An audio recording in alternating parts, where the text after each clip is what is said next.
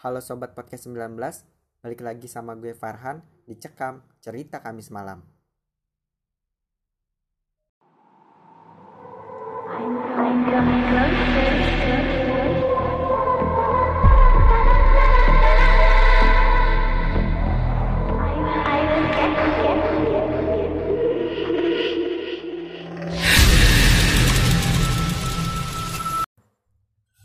Bonceng pacaran naik motor memanglah epic.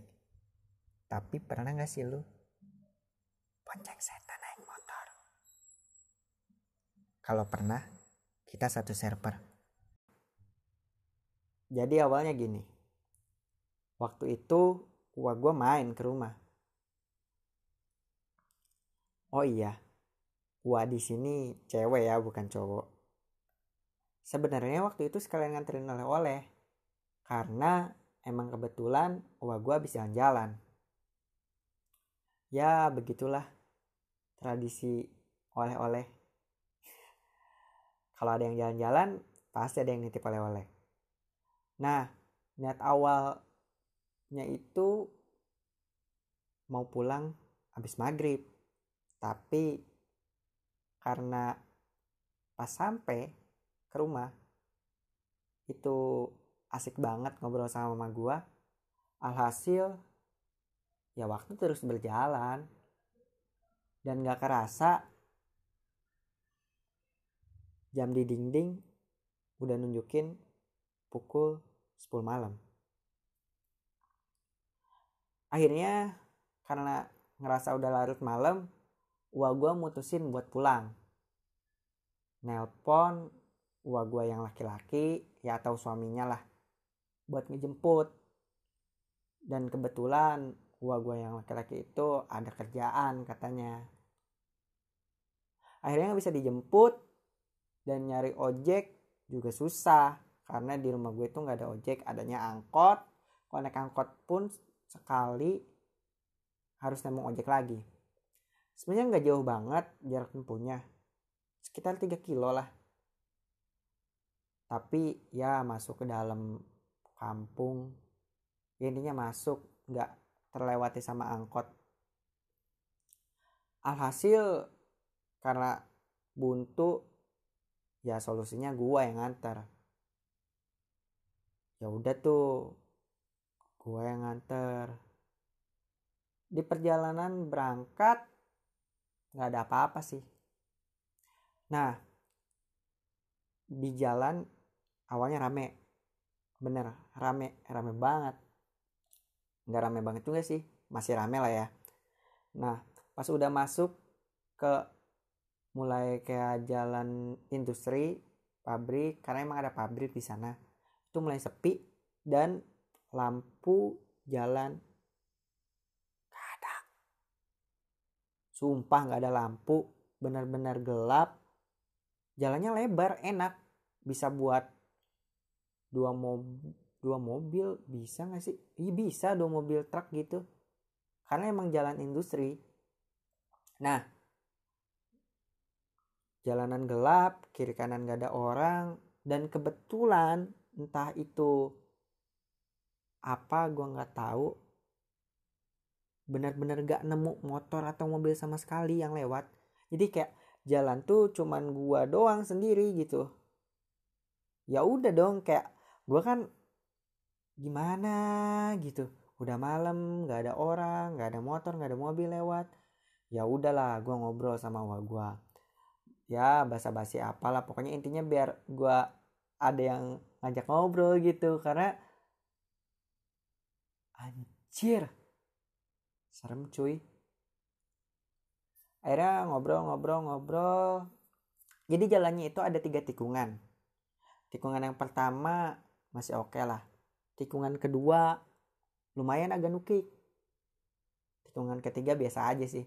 Nah di tikungan kedua ini itu benar-benar pure gelap. Nggak ada lampu sama sekali. Kiri kiri itu sawah kan itu lapangan bola. Ya lu bisa bayangin lah gimana suasananya.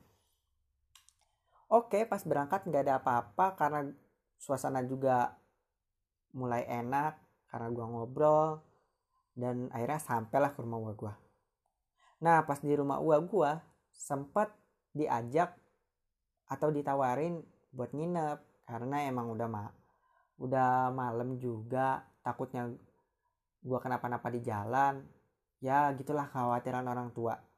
Cuma kan karena besoknya itu gue sekolah jadi gue mutusin pulang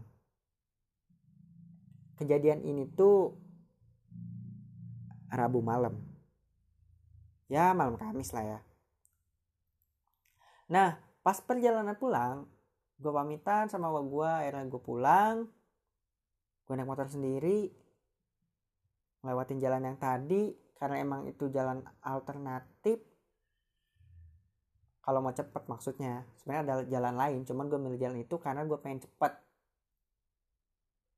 nggak tahu pikiran gue padahal ada jalan yang rame tapi gue memilih jalan yang sepi. Nggak kepikiran. Maksudnya ya udah pikiran gue mau cepet pulang mau cepet pulang. Nah pas di perjalanan di tikungan pertama nggak ada apa-apa. Nah jalan-jalan jalan-jalan jalan pas di tikungan kedua itu gue liat spion ada nenek-nenek di spion gue ada nenek-nenek. Terus kan kayak anjir ini beneran apa enggak? Gue tuh di situ bener-bener gue istighfar bener-bener gue yang kayak ya gue nyebut lah. Pokoknya gue nyebut gue berdoa sebisa mungkin. Dan katanya sih kalau ngelihat hantu itu baca ayat kursi nah bodohnya gue gue nggak apal ayat kursi waktu itu. Beneran gue nggak apal jadi gue kayak cuman istighfar kayak berusaha buat gue nggak takut. Ya intinya gue kayak gitulah. Udah gitu pas gue lihat nenek-nenek di kaca spion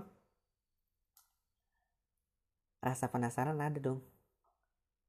Kayak dalam hati gue tuh anjir ini nenek-nenek beneran apa apa halusinasi doang anjir belibet gue ngomong. Nah karena rasa penasaran gue akhirnya gue nengok ke belakang. Nah pas gue nengok ke belakang plak! Tangan gue ditepak sama nenek-nenek. Akhirnya ya gila cuy. Lu lagi nengok ke belakang tiba-tiba tangan lu kayak ditepak gitu der gue kaget motor gue jatuh. Dan untungnya motor gue gak masuk selokan karena pas belokan itu emang ada selokan. Dan gue beruntung banget gak jauh gue jatuhnya. Nah gue jatuh gue kayak gue mau lari awalnya sumpah gue mau lari gue pengen tinggalin tuh motor. Kayak ya udahlah bodo amat motor gue yang penting gue selamat. Anjir gue sempat kepikiran gitu. Terus ya udah kata gue teh ah gila aja gue ninggalin motor air alhasil. Ya gue balik lagi gue sempet udah sempet lari kayak tolong tolong gue minta tolong tapi nggak ada orang. Anjir dan itu kondisinya malam. Ya udahlah gue balik lagi ke motor. Yang aneh motor gue itu nggak bermasalah akinya. Tapi pas gue starter tuh gak nyala nyala sumpah gak nyala nyala akhirnya panik dong. Kayak ini kenapa motor gue rusak motor gue rusak? Udah panik gitu tiba-tiba kayak di depan gue tuh gue ngerasanya banyak yang liatin gitu kenapa tapi nggak ada orang. Gimana sih?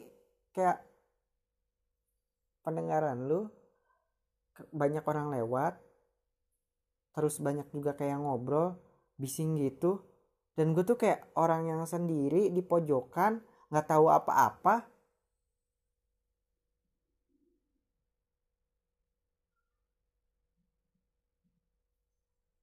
Sumpah gue bingung di situ.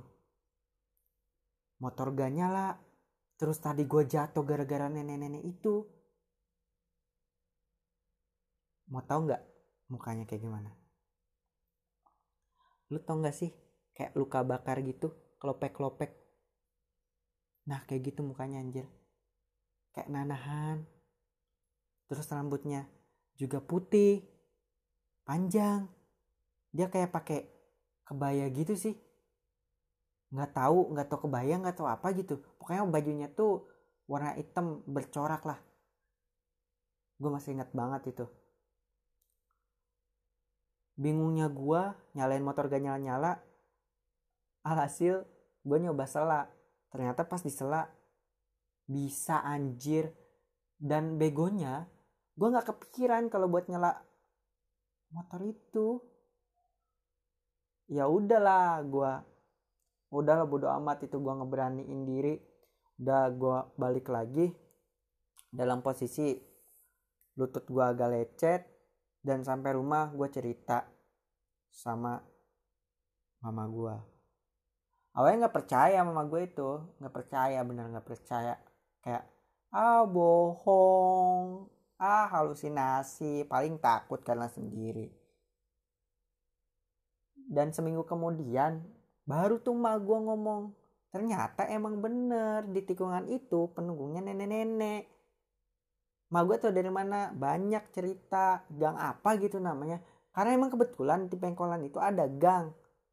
Gak tahu gang gak apa intinya tempat sarangnya dia lah buat diem.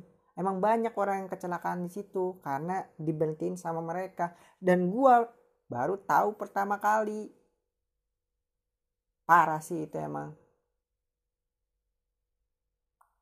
Ya udahlah ceritanya cuman gitu. Sebenarnya ini bisa lebih serem sih. Cuman sore aja di episode 3 ini agak ngalor ngidul. Dan kalau kurang ger ceritanya mohon maaf. Tapi emang itu beneran gue pernah bonceng nenek-nenek.